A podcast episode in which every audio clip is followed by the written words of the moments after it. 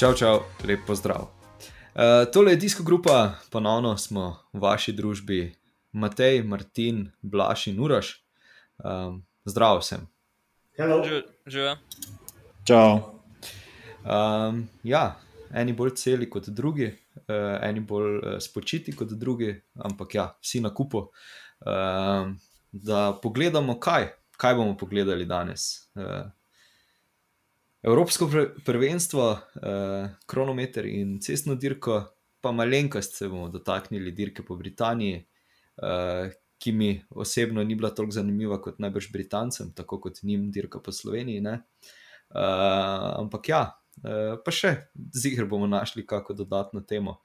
Um, zdaj pa tako kot vedno, kdo bo prevzel vajeti in uh, nekaj povedal o kronometru.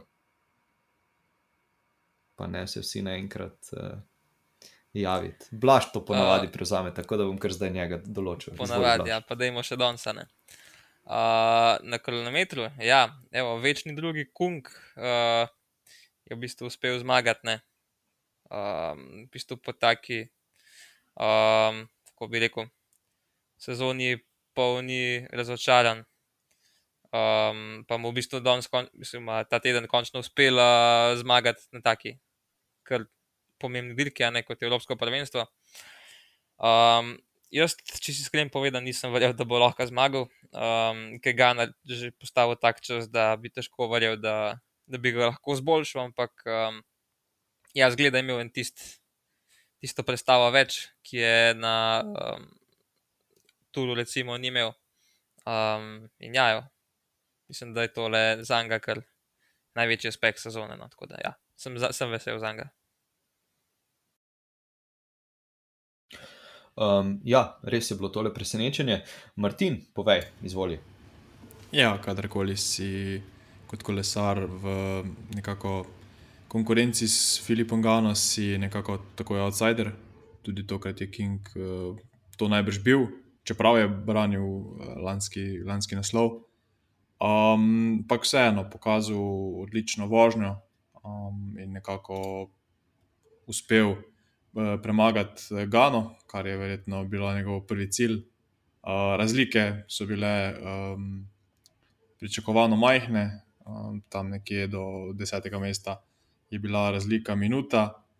Um, tako da, ja, pri vrhu bi rekel, da ne, ne presenečenja v smislu, kdo je tam ampak mogoče, kot je že Blaž omenil, vrstni red, tudi sam nisem pričakoval Kinga na prvem mestu, ampak eh, Gano, potem pa na tretjem mestu Remko, Evenupel in pa Štefan Bisiger, ki sem nekako pričakoval, da bo ta oba visoko, kajti ta trasa ima ustreza, oba sta znana potem, da se zelo dobro peljeta. Na teh ravnih kronometrih, tako da, ja, klasični, klasični kronometer, lahko rečemo, um, dolžina 22 km je nekako srednja.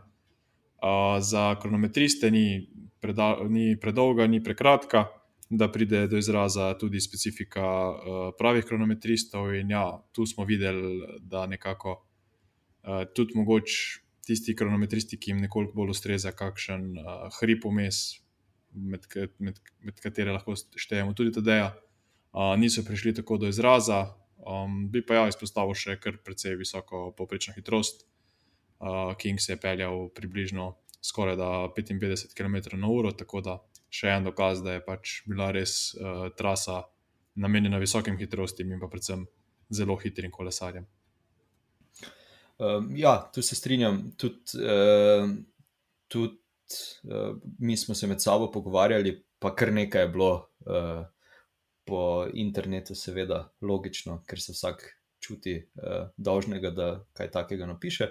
Uh, da, da je v bistvu, uh, kljub temu, da je recimo na dirki po Franciji tudi dosegel prvo mesto na, tistem kronometru v peti etapi, uh, je vseeno bila povprečna hitrost. Uh, Zelo, zelo više. Čeprav se mogoče na, na oko to bi rekel, ok, med 51 in 54 km/h ni taka razlika, ampak pač naj se nekdo poskusi peljati to uh, pol ure, pa bo videl, kakšna je razlika. Uh, Tako da, tak da, ja, bil, bil je čist, vseeno čisto drug kronometer, ampak mogoče pa vseeno smo pričakovali, da bo tedej kakšno mesto više. Uh, ne, ne, da bi zdaj upali na stopničke, tako kot so ga eni že kar takoj uh, postavljali, ampak vseeno mogoče, mogoče uh, tam nekje pri uh, kakšnem petem, šestem mestu. Blaž, izvoli. Um, ja, naj bi sam izpostavil še um, eno zanimivost, nekako. In to je peto mesto, uh, Max Walschild, um, ki je, ja, poleg tega, da um, zna kar precej dobro voziti kilometre. Je pa on sicer v prvem planu šprinter uh, in ja, v karieri ima, mislim, da on 11, uh, tako ja, 11 uh, zmag, od tega so uh, v bistvu vse iz uh, šprintov, večje skupine. Tako da uh, to da je nekako fenomen, da se za šprinter uh, vozi dobro na kilometrih. Um, sploh recimo, vedo, za prologe vemo, da tudi šprinter, ki še ne še dobro voziti ampak uh, ja, za kilometre uh, tako dolge, uh, pa je to nekako lahko bi rekel kar fenomen. Kar se pa tiče pogačarja, um, ja, mislim, da, uh, da je jasno, da ni v taki formi, kot je bil na Turu. Um, to je pokazal tudi že zadnjič v Franciji na Ploju, kjer uh, pač je probo, ampak je videl, da pač ni to. to. Tako da, um, ja, Jaz mislim, da on tudi če letos na meni dirke več ne štarta, um, je on svoje za letos pokazal. Se, mislim, da se on niti ne sekira, kaj dosti. Uh, ja, do tega sicer še pridemo, ampak še bo štartal uh, vsaj eno dirko, oziroma dve, mislim, ja, kakorkoli. Uh, ampak ja, Matej, izvoli, da ti ne vzamem besede. Uh, Mene sploh ne skrbi to, da on zdaj ni uh, v vrhunski formi. Uh, mogoče me to celo veseli, ne? glede na to, da je Evropsko prvenstvo dobro. Ne pomeni tako zelo velik, kot mogoče mislimo. Uh, se sledi zdaj svetovno prvenstvo, kjer pa mislim, da je od naših favoritov, predvsem uh, Matej Mahorič, uh, potem pa še le pride tista njegova prava dirka, to je dirka po Lombardiji, kjer uh, lahko zmaga in mislim, da je to veliko več vredno kot recimo dober rezultat na Evropskem. Um, jaz sem ga tudi pričakoval, v bistvu večkrat višji, tako rekoč je bil zadnji med tistimi, za katere sem pričakoval, da bojo visok, ne razen mogoče na Bjerga, še sem pričakoval večkrat više. Um, Crkveno je radijska zveza in je potarno, da ga je to grozno motil, ker se očitno težko zmotivira za nekaj tako, um, kako ne rečem, duhomornega, kot je najbrž kronometer. Uh, on je en, en veseljak na kolesu, se mi zdi, ena taka disciplina. Terja pri njem to, da ga nekdo vse čas spodbuja. Takrat je sam rekel s temi besedami, da mu je uh, nekaj dol padel. Um, Potem je pa še povdaril to, no, da je med kronometrom tukaj na Evropskem prvenstvu ali pa na Turu velika razlika v tem, da uh, pred kronometrom na Turu je nekaj etap, ki kolesarje utrudijo in kot smo se že naučili, to pogačarja utrudi predvsem manj, ker se boljše regenerira. Mislim, da je to kar odločilno in jasno, seveda tudi to, da je bil na Turu najbrž v res odlični formi. Čeprav po drugi strani moramo priznati, da je bil tam v odlični formi tudi Štefan King. Na tistem kronometru je bil on sam najbolj presenečen od vseh, da ga je Pogačar premagal, ker je vedel. Uh, King sam, da je pač tako dober, da je praktično nepremagljiv. Ne? In potem pride nekdo, ki je dosti manjši in lažji in da premaga, da je takrat pač šokiran. Toliko. Uh, ja, mogoče je bil demotivator tudi to, uh, na kakšen način se je Gana mimo njega odpeljal. Uh, ampak tista primerjava na, na, na fotografiji zgleda Gana tako, da bi ga lahko pač v, bistvu v tistem trenutku pojedel, če bi ga želel. Uh, Cel, celi hrust proti njemu, če ne drugi. Je tako, da čudež, da je zaostal pogaček samo dobro minuto. ne pa deset minut, ampak ja. Ma pa manj zračnega upora, ne pogaček, očitno. Uh, ja, o tem nimam kaj dosti pojma. Matej, kaj bi, zakaj tako meniš?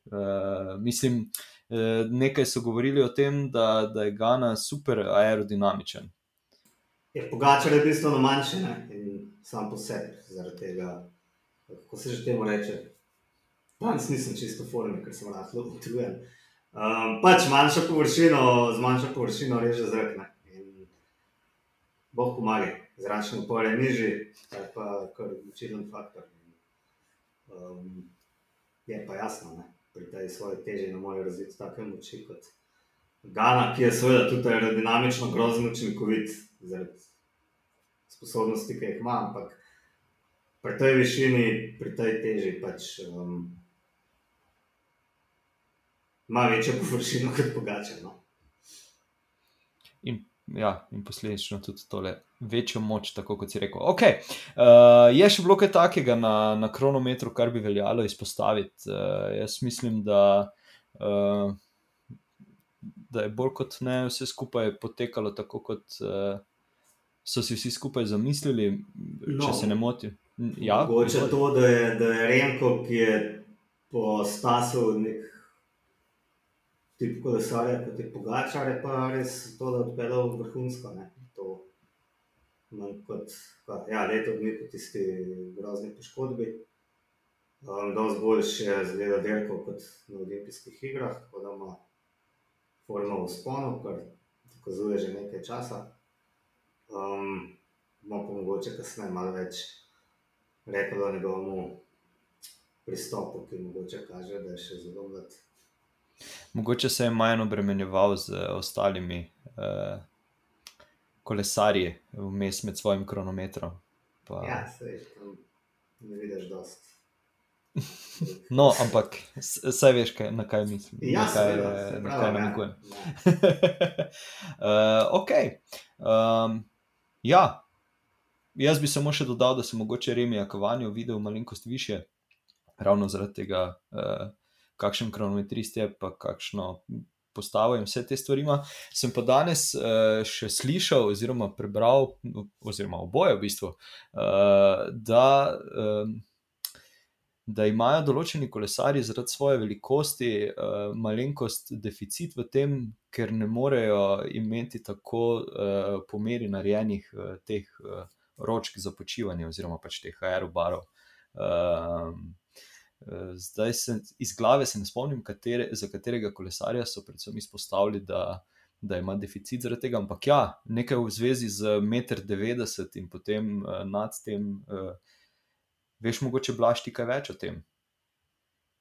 Um, ja, lih te številke, oziroma centimetre, nisem jih zapomnil. Um, Uh, ampak uh, ja, je v bistvu um, za tiste kolesarje, ki so nad 1,90 m ali 85 nekaj tasga, um, imajo dovoljeno, da imajo v bistvu daljšo razdaljo med balanco in sedežem.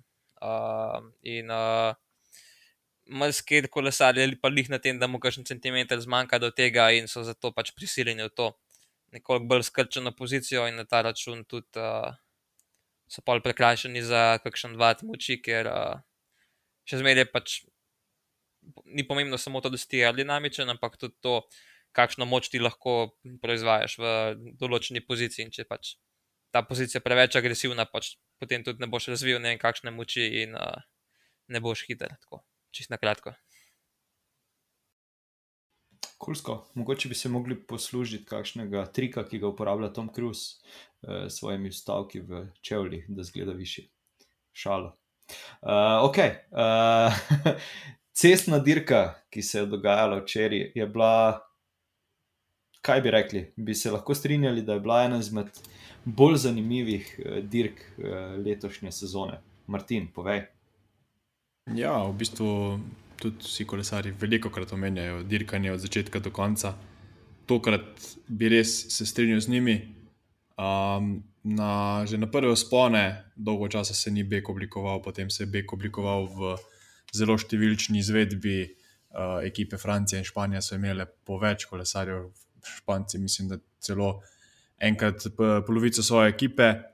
Tako da je bilo kar nekaj scenarijev, možnosti, kaj bi se lahko iz tega izcimilo, ampak na koncu je v, na tistem zadnjem klancu pred um, začetkom vstopa v te zadnjih osem krogov se oblikovala skupina, ki je na koncu tudi potem uh, te kroge odpeljala.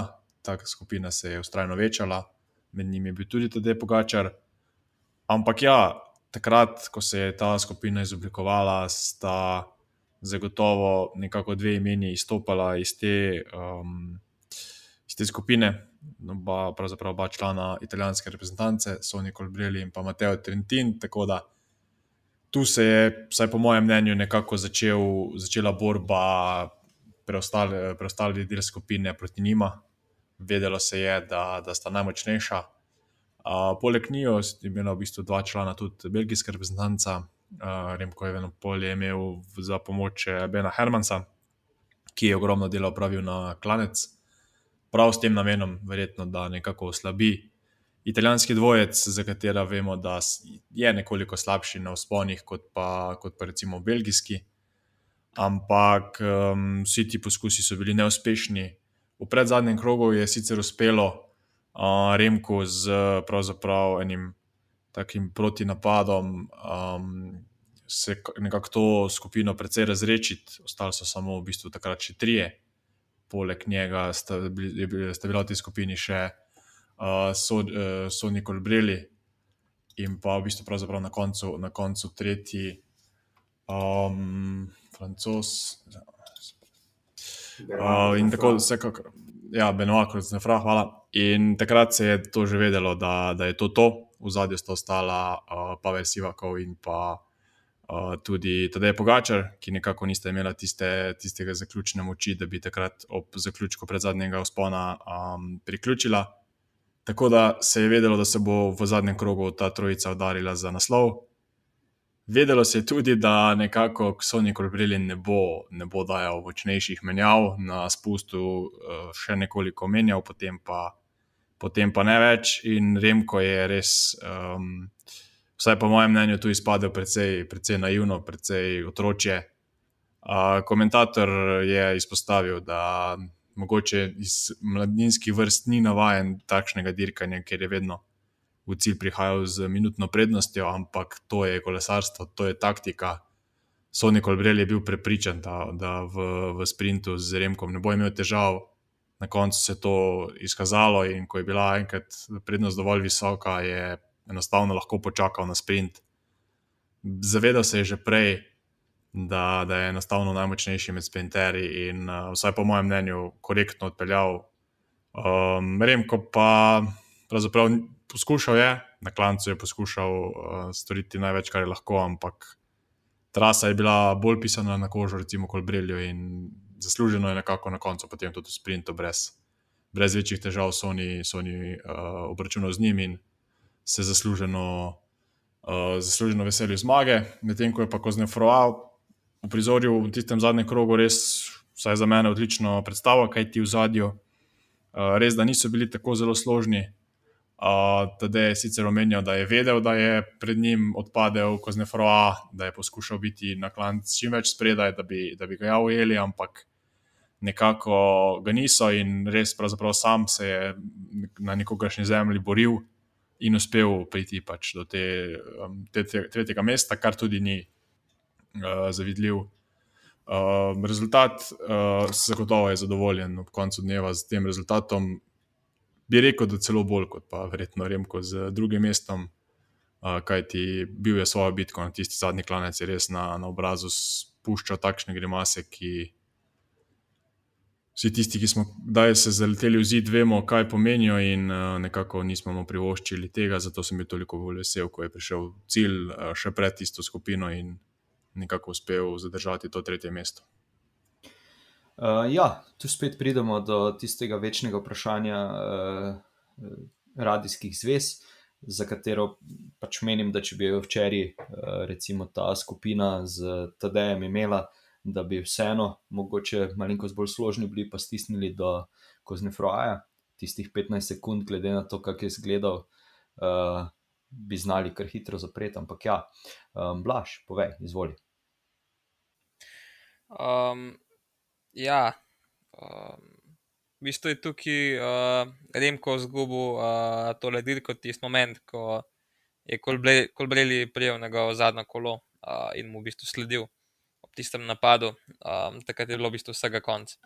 Ker um, je bil Kolbreli v bistvu tukaj v zmagovalnem položaju. Takrat tisto, kar se je predno začela večati, ker sta imela dobro minuto, um, takrat je bilo v bistvu vsega konc. Ker uh, Kolbreli pač ni dal več smene. In uh, mi je bilo kar malo smešno gledati, kako je v bistvu uh, Kolbreli sprovociral Remka samo s tem, da se je v bistvu vozil za njim. No.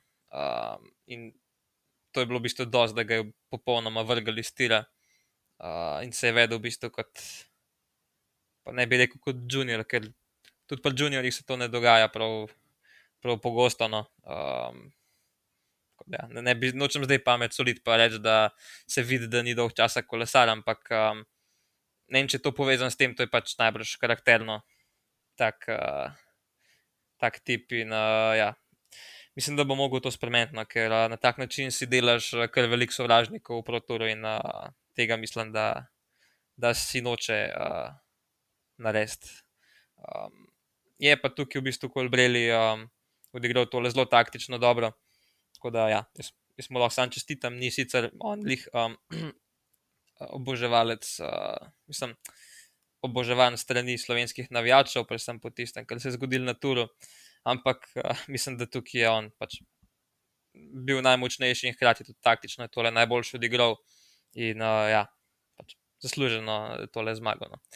Um, ker se pa tiče radijskih postaj, pa ja, uh, mogoče še en dokaz, kako uh, zanimivo dirko naredijo, uh, če pač odstranijo radijske veze.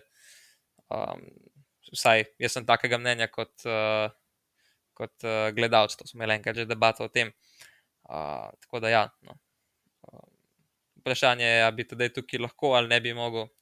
Mislim, da v končnem sploh ni važno, ker peto mesto je vseeno, kar je do rezultata, glede na to, da, kot smo že prej rekli, ni v vrhunski formi. Um, da, ja.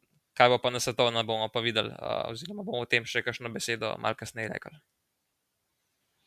Točno to. Sej, uh, že, želel sem, sem še to dodati, da tudi če se ne gleda tistih uh, zadnjih 15 km, se samo lahko pogleda tisti stop v zadnji ovinek uh, Kolbrelja in Remka, pa se vidi, da je pač tu. Dejansko, ko Breli vedo, kaj dela Remko v tem primeru, pač ni imel odgovora na to. In ga, kot smo že preden smo začeli snemati, smo se z Blažem pogovarjali, tudi če bi eh, delali tako, kot radi rečejo, neke simulacije, po mojem, če bi naredili 100 simulacij, bi stokrat uh, Remko v tem primeru pač na tak način izgubil. Tako da uh, to je to. Uh, mogoče pa samo tisto obnašanje, ki se je dogajalo na trasi, je potem še nadgradil z, z obnašanjem v, v cilju. Tako da, ja, tisto tist res ni bilo ničemur podobno. Um, Matej, izvoli, kaj bi dodal? Um, mene te kretne v efektu ne motijo, no, nekako pretirano. Um, to je pač efekt in ko se čustva tako razgreta, ne vem, jaz tega nikoli nisem želel kaj pretirano um, kritizirati. Bolj mislim, da je tukaj problem, no, cel, celoten pristop Remka, ki ga je dobro uh, opisal Blaž. Uh, pač ja, zgubljena je bila dirka v trenutku, ko se ni mogel znebiti Sonja kot Brelja, kar je bistvu kar noro, to, da se ne more en tak dober klančer, kot je Vena kot Brelja, znebiti kar noro. In pomeni, da je bil kot Brelji dejansko močnejši, če ga je lahko držal celo na terenu, kjer ni domačne. Um, zdaj moram priznati, da jaz zdaj nisem gledal, ker sem imel več dela včeraj, ampak pogledal sem si samo highlights. In v zvezi z uh, radijskimi postajami se sprašujem, kaj bi se spremenilo, če bi imel Renko. Ne? Ker on je bil res v trenutku, ko sta ostala s Kolbreljem sama, oziroma ko bi še kozdal zraven, je bil v najslabšem položaju. In vem, po eni strani je moral reševati medaljo, če ni vedel, koliko so ostali zadaj. Ker če bi jih ujel, ga še vedno kot breli prehiti, potem je bil tam Trentin, še bolj spočit. Mark Hirsch je tudi pogačal, znate tudi sprintati. In to je bilo res zoprno. Z tega vidika razumem, da je on vlekel med tem, ko je bil lahko kot breli miren, zmagal bi v vsakem primeru, lahko tudi če bi od zadaj ujel. Um, tako da res nezavidljiv položaj. Je bila dirka, v bistvu je ja, dejansko zgubljena. Um, ne vem, kaj bi lahko sploh naredil. Uh, drugega kot reševal, ja, drugo mesto. Um, je pa res, da ko gledam, je potem razlikam ogromna. Ne, se pravi, minuto popoldne, ko zafraja in minuto 44, da te skupine s Tantinom, Pogačarjem, Hršjem, uh, Markusom, Hvalgardom. Um, tako da, ja, načeloma bi moral biti vesel, da je izvlekel drugo mesto in da tukaj bolj moč to njegovo uh, stalno. Um, igranje nekega velikega šampiona, ki je zadovoljen samo z zmagami. Ne vem, je to že malo na živce, no? ta kaos, zmagovalni pristop, šampionski. Če je drugo mesto, že nismo zadovoljni. Ne vem, no, malo se umir, pa pri teh, kako je starom. Zdaj ni več niti tako mlad, ne bi si človek, človek rekel, v dveh sezonah. Mislim, da je 21 let star. Ja, ne, ni, ni zdaj to mladič več. Um, moramo vedeti, da funkcionira v okolju odraslih. Normalno je, da potem prej odrasteš, ne? če si v takem okolju, ne? da se družiš na nekih študentskih zabavah in se ti otroštvo podaljša za 3-4 leta.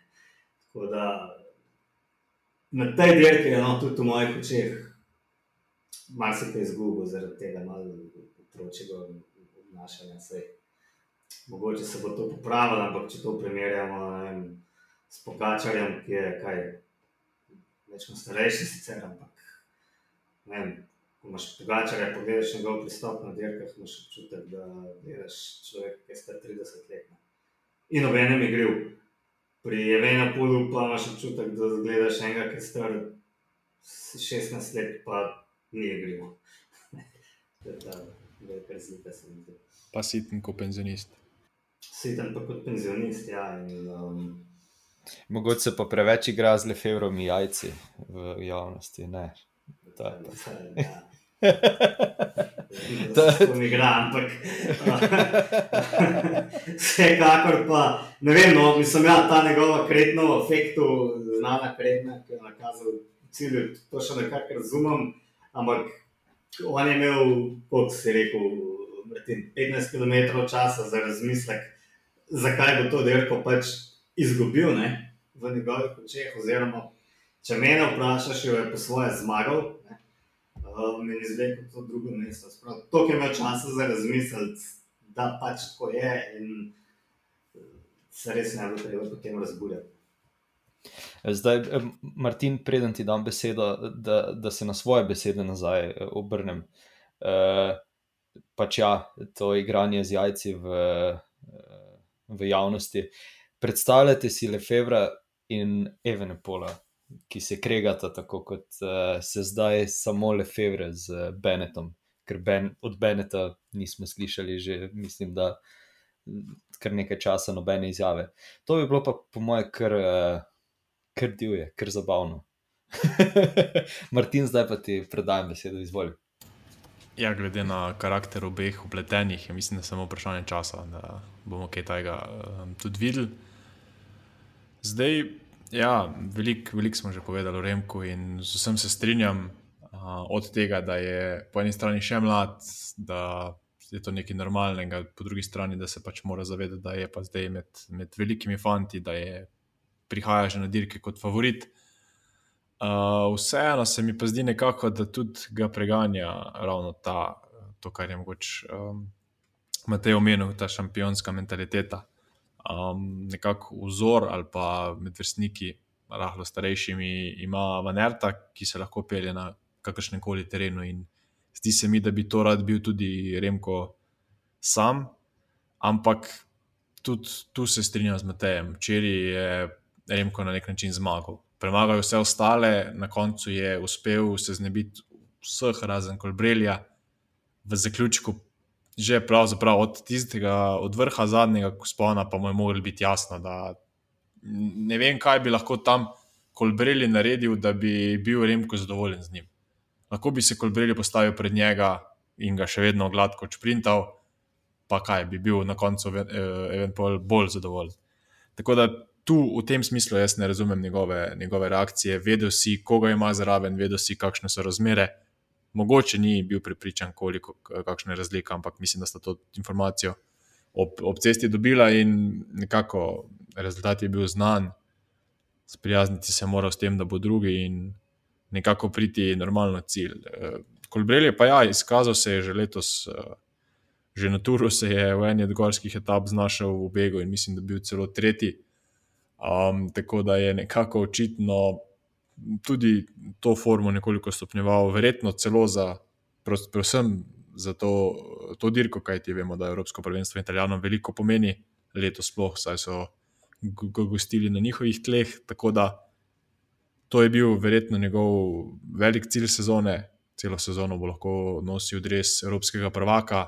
Italijani so še četrti zapored zmagali in nekako to je to. Remko se mora s tem sprijazniti in videl bo, verjetno že danes ve, da, da je mu uspelo nekaj dobrega, ampak so že to sedaj te njegove drugo, tretje mesto.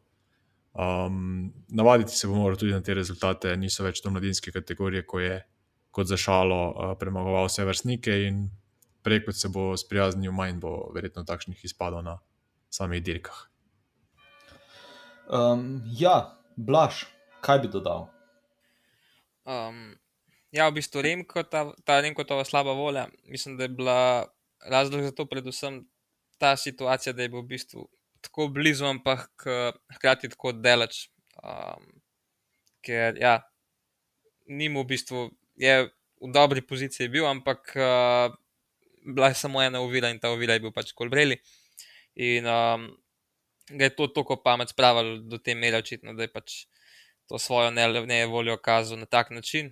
Um, pač vsi vemo, to ni bilo prvič, to je kazal tudi na Džilu, uh, ko je tisto slušalko agresivno ven vlekel, pa je pa v bistvu čez 10 sekund do nazaj v hokeju, gotovo, da mogoče oparab. Um, take, ne vem, otroče fore, kako bi temu rekel, nak, uh, nekako ne spadajo tukaj zraven. Sej, ja, pri mladincih je zmagoval s tistimi dolgimi solo po begi, pa v bistvu še letos, oziroma že tekom cele profesionalne kariere v bistvu največkrat zmaguje samo na take načine, v bistvu v nekih takih uh, soočenih ena na ena. Pa, ko sem se pozanimal, je se do zdaj srečal samo enkrat, tako je v sprintu, mislim, da šahmana na dirki po Algarvu, uh, če se prav spomnim.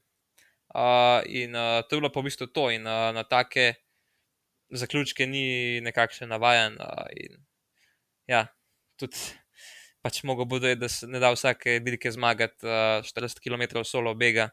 In uh, ja, da je treba včasih tudi kakšen uh, šprint zmagati, oziroma pač se sprijazniti z drugim mestom, ki v bistvu, kot je že Matej rekel, ni nič sramotnega.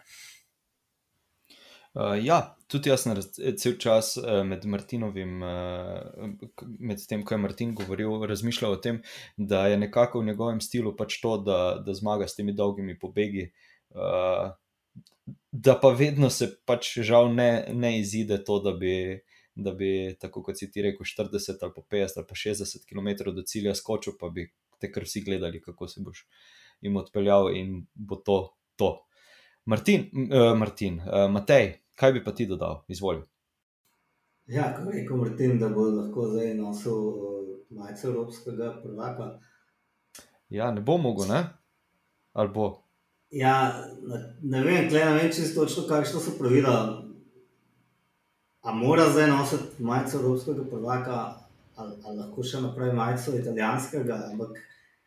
Če lansko, lansko leto pogledamo, Nicolo je kljub temu, da je bil italijanski prvak, nosil majico uh, evropskega prvaka. Da, ja, ne, ja super, ne, ampak je to prosto. Če, če, če bi jaz lahko izbiral, bi raje majico ja. italijanskega prvaka. Mislim, da. Ampak ja, ne vem pa, kaj, kaj bi mi več pomenilo. No, Ampak kaj predstavlja sploh ta, uh, kaj evropskega, da ok, dobro, zvezda je pa modre barve, ampak vseeno. To je to. Čist drug odtenek. Ne, čist drug, ja, se vseeno, ok. Uh, v glavnem ni mi všeč. Ja, dejansko, dejansko ne vem, kakšna so pa pravila. Ali dejansko obstajajo neka, neka pravila, katera majica ima prednost ali lahko to kolesar izbira. Ampak ja, lani, lani smo že videli tak primer. No. Se pravi, italijanski prvak, istočasno tudi evropski in Nicolo se je odločil, oziroma so mu dodelili, da bo nosil eh, majico evropskega prvaka, eh, kolo in čelado pa je imel v barvah eh, Italije, tako da bomo videli. Um, ja, Blaž, kaj bi to dal? Um, ja, uh, kar je meni znano, v bistvu majica, ki je vredna največ, je uh, se pravi majica dirke. Uh, torej, pač je to nekje koli dirke, kolesar dirka, je pač rumena majica, zelena, pikčasta, bela, kakorkoli. Uh, te so vredne več kot majice svetovnih prvakov in podobno ne, na teh dirkah, kjer pač mora kolesar kazati uh, sponzorje dirke. Uh, pa si pač sledijo svetovni prvak, evropski prvak in pa državni prvak, kar je meni znano. In če si pač državni prvak, pa še evropski oziroma svetoven, pol pač nosiš uh, tisti dres. Uh, in mm, mislim, da nimaš pa, neke še olimpijski izbire. prvak vmes? Ja, boš pa še zlato čelado. Olimpijski prvak imaš pa zlato čelado. Ja. Ja. Pa bronast kolone. Ne, mene tukaj predvsem veseli, da ima Sonic Brede tudi možnosti postati svetovni prvak. Glede na formo in glede na progo, ki mu načeloma ustreza. tako da- A smo to že kdaj videli? Nismo, ne? ker Evropsko prvenstvo poteka za Ja, člane profesionalce šele kratek čas. ne tako je. ja, ampak Sagan je zmagal takrat. Od ne. 2016. Mislim, pa mislim, da je bil takrat Pa državni ja. prvak in, in evropski. Ne? Ja, pr, A, no, prvo leto je. Ja, evo. Ja. Bravo, Blaž. Bravo, Ja, ja, Če Bravo. veš o bližnji zgodovini. O Saganu Ja. veliko ve, ker ga je upokojil. Pa vse je bilo prav, vse je daj eh, vse je šel v ta total direktor na živ. To je ekipa za prizemista. Ne? Neki Terpstra, Petr Sagan in njegova plata. Je, pa, pa še uh, za Brnala uh, so prišli ven, kaj govorice, rumen tisk, da ni zadovoljen v Ineosu in bi račel v Izrael Startup Nation. Aha, to je pa-. To je pa en italijanski novinar, ne je to vendal. Uh, ja, ja, se je ja, izkazal eh, kot uh, ne, fake news. Ja, uh, smejem se ravno zaradi tega, ja. Eh, ne Matej, ker bi, ker bi to bilo karkoli uh, slabega, ampak ker pač so kar hitro uh, umirili te govorice, ki so bojda totalno, totalno neresnične. Ampak ja. Um, ena, ena novica mi je, mi je padla v oči uh, ta teden, ne vem, če ste jo tudi vi videli, ampak uh, Luis Angel Mate se je še odpeljal iz Velte, tisoč km do svojega doma, uh, do Marbelje. Uh, je rekel, da bo tudi sam, samemu sebi naredil eno tako romanje po Vuelti, uh, da, bo, da bo sp- spočil noge in se imel fino. Kaj bomo rekli na to? Kar, kar dobro. Meni ne? se zdi to krasno, ker to pa res kaže, da imajo fan, da fanti ljubijo kolesarstvo. Um, se mi zdi, da je to res taka reklama za, za ta šport, da vidijo kolesarstvo še, nekaj dru, še kot kaj drugega, kot samo um, službo, no, če hočete. Ker pri nekaterih kar opažam, da jim je muka, no. se vse na kolo in iti na trening ali pa derko. Um, pa mogoče ne vejo, koliko je zoprno iti, recimo, vsak dan v službo zjutraj. Um, to smo že videli. Um, ne vem sicer točno, kako je šel Mate na ta izlet, uh, ampak Tim Velans pa Tomas de Gent sta recimo šla na en tak, prav bikepacking s torbami in vsem, odkje že? Ne vem, ampak telač, pač domov v Belgijo in okoli tega so potem naredili seveda tudi cel medijski. Mislim, da je iz. Lombardije domov, če se prav Iz spomnim. Lombardije, pa, ampak mislim, da so tudi zelo dvakrat izvedli. No? Um, je šel enkrat, da gen sam, kogarkoli, um, se vsem, tako se mi zdi res simpatično. No? No, A, ja, ampak pa je vem, pa tudi ja. mečken, mečken fukneno, tudi ta ne. Malenkost. Ja, je, no, ja, je, ne. ja, Mislim, je. uh, Luis Angel Mate je rekel, da bo, da bo tako tempiral, da pride v soboto na, na kosilo. Tako da, če rečemo, da je potem v ponedeljek štartal, torej uh, šest dni, tisoč km. Ni Okej, piknik, ne. ne. Ni, ni, ra- ni ravno uh, turistična vožnja, uh, ampak ja. Uh, vseeno bolj prijetno kot tvoja šnja, včerajšnja izkušnja. Ej, pa veš kaj, še ne smeš zamuditi na kosilo k mami? A veš, to je še ona potem riba. Se mu je mudil. Ja, ja. Uh, ok, uh, svetovno prvenstvo uh, se približuje. Danes je bila razkrita uh, naša reprezentanca, ki jo bodo zastopali, zastopali Tadej Pogačar, Primoš Roglič, uh, Matej Mohorič, Luka Mezgec, Domen Novak, uh, Jan Polanc in pa David Per. Rezerva je Žiga Jerman. Uh, na kronometru pa bosta štartala Tadej in Jan, Jan Tratnik. Um, tako da, ja, zanimiva uh, zasedba. Za Primoža se je čakalo eh, do zadnjega, da sporoči, kako in kaj. Ampak ja, Blaž, izvoli, povej več. Um, ja, če si iskren povedan, jaz primo že nisem jih uh, pričakoval v tej ekipi. K, uh, pač dejstvo je, da Vuelta ti zelo veliko pobere. Um, sploh tiste svežine, ki jo rabiš za eno dni na dirko. Um, ampak ja, itak sem vesel, da, da se je odločil za tole, da, da bo se pridružil reprezentanci. Uh, nekako se je računal, ja, da bo Mohorič kapetan. Um, ampak zdaj pa zanima, kako se bo odločila. Najbrž uh, se bojo v bistvu tekom dirke odločili, kdo bo, kdo se počuti najboljš. Um, ja, me pa zanima, kako se bo Roglič v bistvu ja, poveljti na takem terenu uh, počutil. Ka, kaj pa vemo, mogoče mu pa znati to odgovarjati. Uh, tudi Pogačar, recimo, da če primerjamo iz uh, Pluaja, je tudi uh, že v nedeljo veliko bolj šlo kot takrat. Uh, tako da tudi on mogoče malo dviguje formo še do svetovnega, pa da biti kar tam tam, za Mohoriča pa vemo, da, da ta moment leti kot raketa. Uh, in uh, ja, mogoče pa res samo malo sreče manjka, pa, pa se tudi uh, slovencem končno poklop za, za medaljo. Um, ja, da se tukaj še popravim, Jana Tratnika sem še pozabil omeniti v, v ekipi za uh, cestno dirko. Matej, povej, izvoli. Jaz sem se bal, da Roglič uh, ne bo v reprezentanci, ampak sem zelo vesel, da bo, da se odločil, da bo dirkal.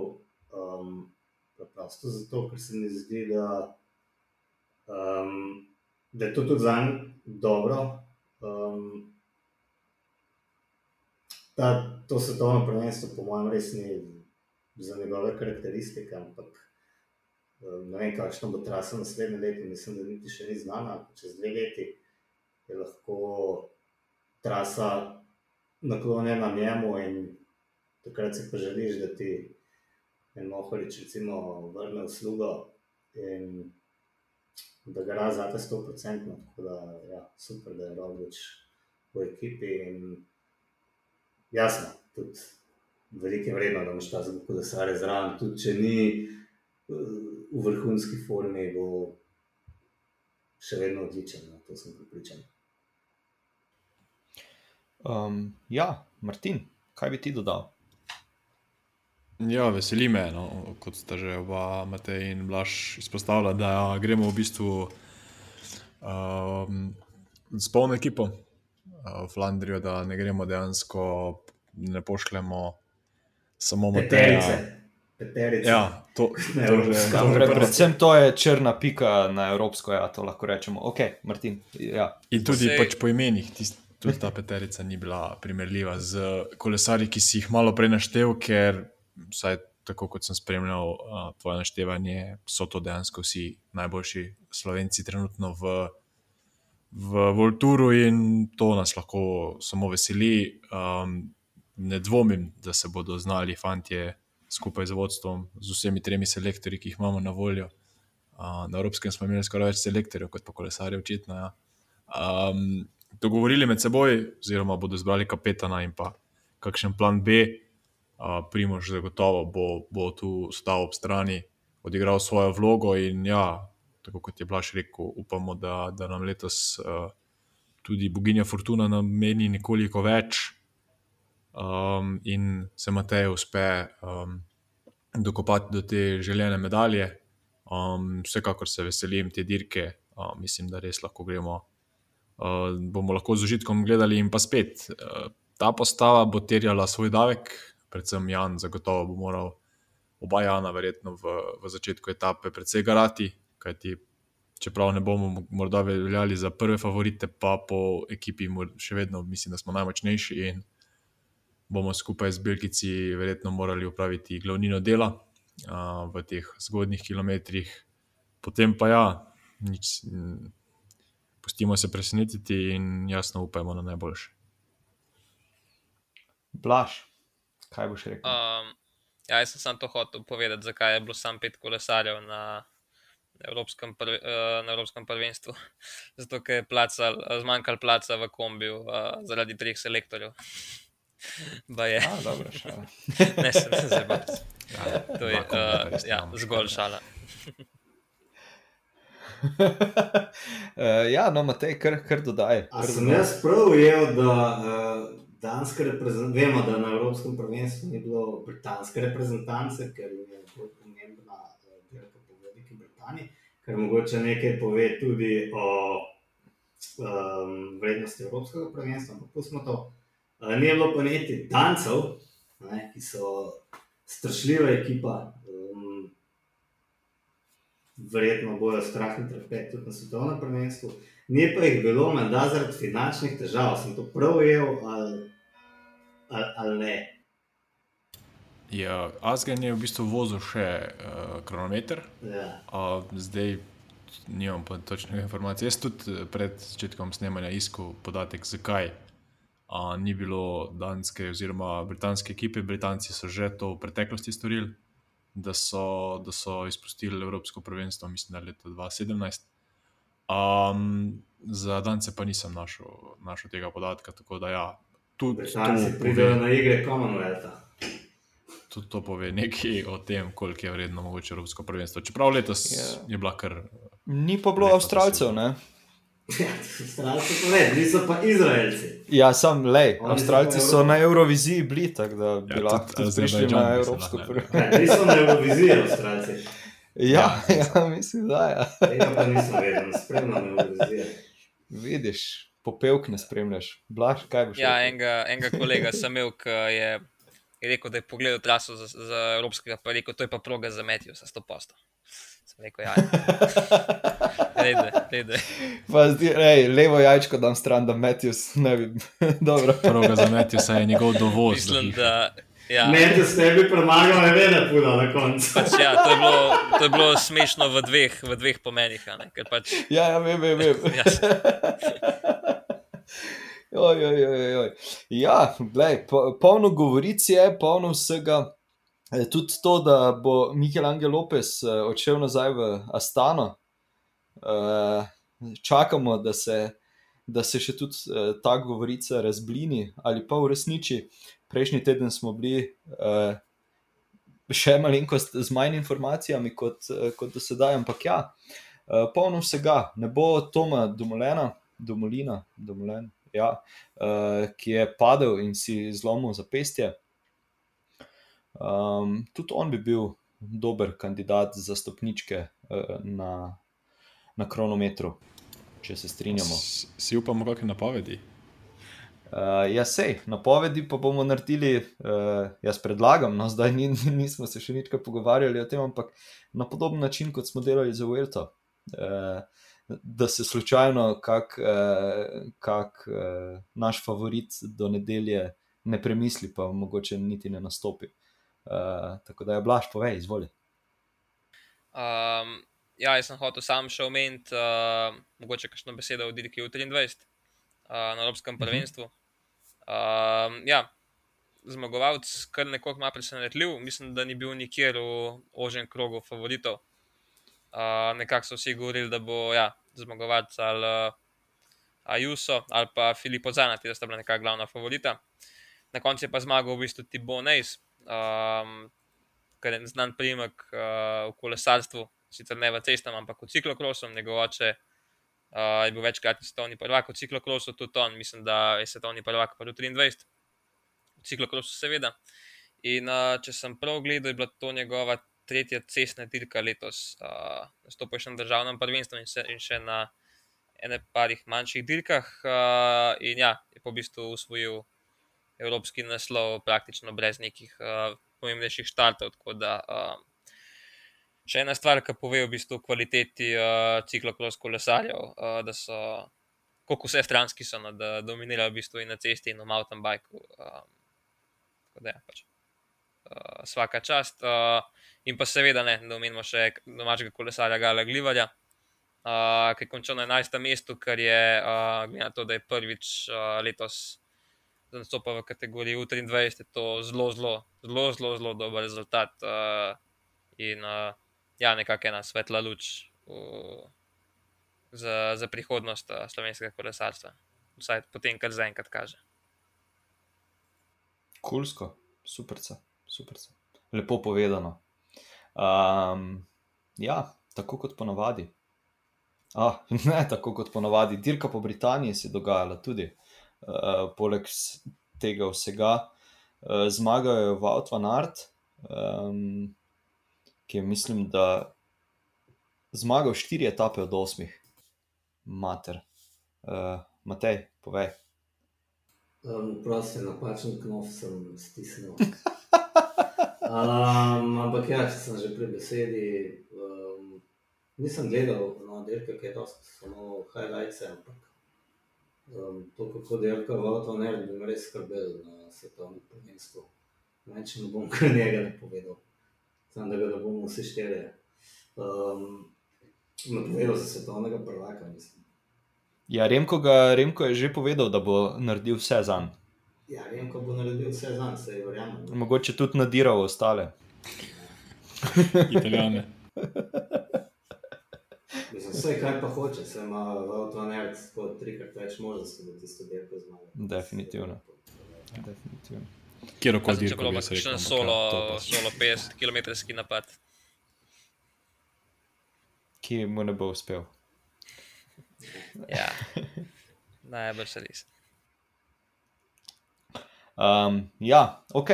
Um, veliko smo povedali o dirki po Britaniji, to je kar, kar dober reke. Jaz tudi moram priznati, da sem si ogledal samo tisto etapo, ki, kjer sta se udarila uh, Wout van Art in Ala Filip eh, s tistim zaključnim klancem, uh, kjer sta potem obležala, pa se uh, ja, čisto, čisto uničila drug drugega. Um, ok, uh, se je pripravilo uh, kakšno vprašanje, trivije vprašanje. Jaz priznam, da ga tokrat nisem uspel pripraviti, oziroma nisem našel nič pametnega, kar bi lahko vprašal, uh, da mi ne bi potem rekli, da jemljem nekaj iz uh, starejše zgodovine, pa da bi imel pojma o tem. ja, jaz imam v bistvu eno vprašanje. Um, in sicer v luči. Uh, prihajajočega svetovnega prvenstva, me zanima, um, da je v bistvu najstarejši in pa najmlajši uh, zmagovalec svetovnega, oziroma naslov svetovnega prvaka. No, najmlajši je Lance Armstrong, leta 93. 93. Ja. Kaj je najstarejši, je bil Valverde ali ne? Ali je bil še kdo starejši od njega? Ha.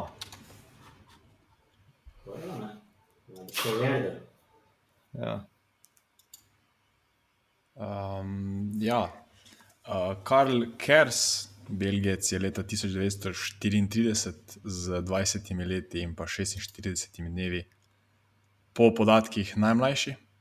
Okay. Um, Lance Armstrong je bil, gledam. 21, še malo. 21, tako, ja. tako da uh, to odpade.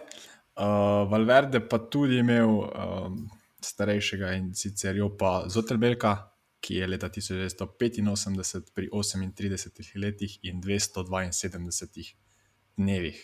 Tako da mislim, da ga je pa on verjetno zares za par dni, ker če se ne motim, je bil tudi uh, Valverde v 38 letu ali pa je že bil ja. 38 star. Ja, on je bil bližje, po moje, ja. um, temu dosežku. Tako da ja, zavidljivi številki.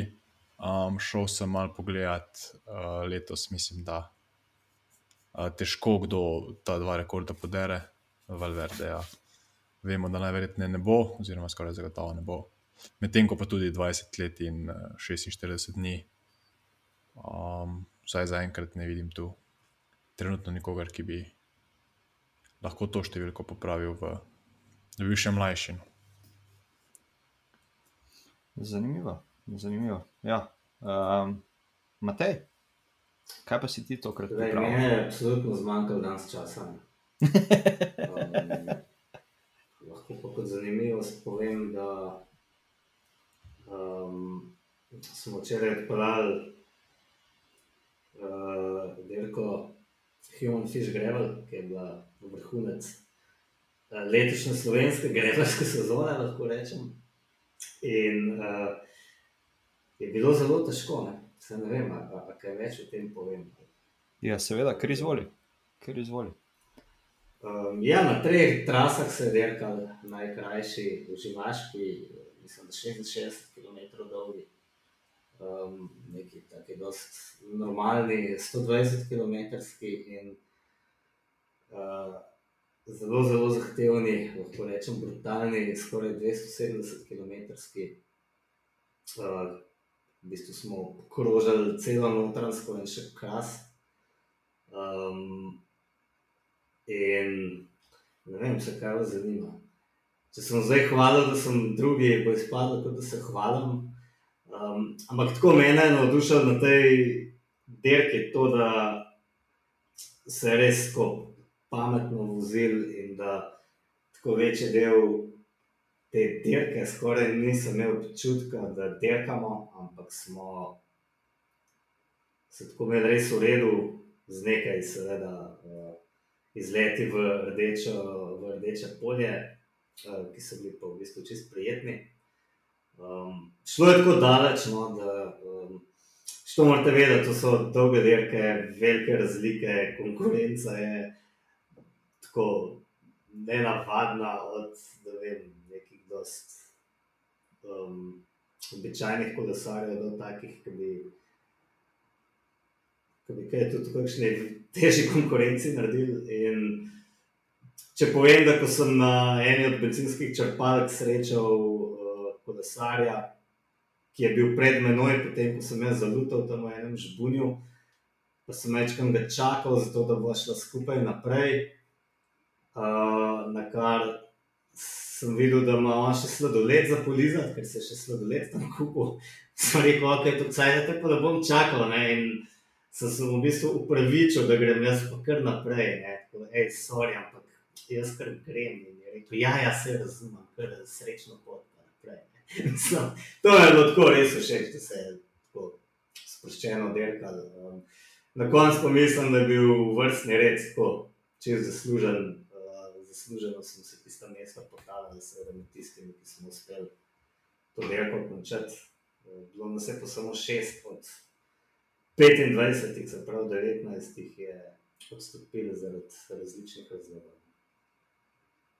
Uh, ja, videl sem, videl sem uh, eno objavo na Instagramu, kjer je nekdo, mislim, da še ob enih po noči borbal uh, s tole traso. Ja, to je zanimiva zgodba. Ne Vem, jaz ga niti med rezultati nisem našel tega fanta. Ampak uh, on je imel, um, šel je s kolegom v kolegovem tempu, kolega je bil očitno malo počasnejši in ta kolega je imel vse mogoče težave, tehnične, samim seboj, vse, kar se ti lahko zgodi na taki dolgi preizkušnji. Na koncu je pač človek ostal sam, ampak je rekel, ne, jaz hočem to končati. Uh, Je pa res, da ni zvozil tistega zadnjega klanca, ki je bil res grozljiv. In uh, jaz se tistega ponosa sploh ne bi upal voziti iz več razlogov. Prvič, ker se lahko nepovratno zgubiš, drugič, ker se lahko ubijaš, tretjič, ker te lahko zveri požrejo. Uh, tako da, da je zaključil v bistvu po asfaltu no, in spremstvu organizatorja, ki je vozil za njim z avtom, najbrž zaradi varnosti. Um, ampak za me je pa to vse en od zmagovalcev te dirke, ker um, če bi se to meni zgodilo, bi mirno poklical um, pomoč in se pel v vsi z avtom. Ne.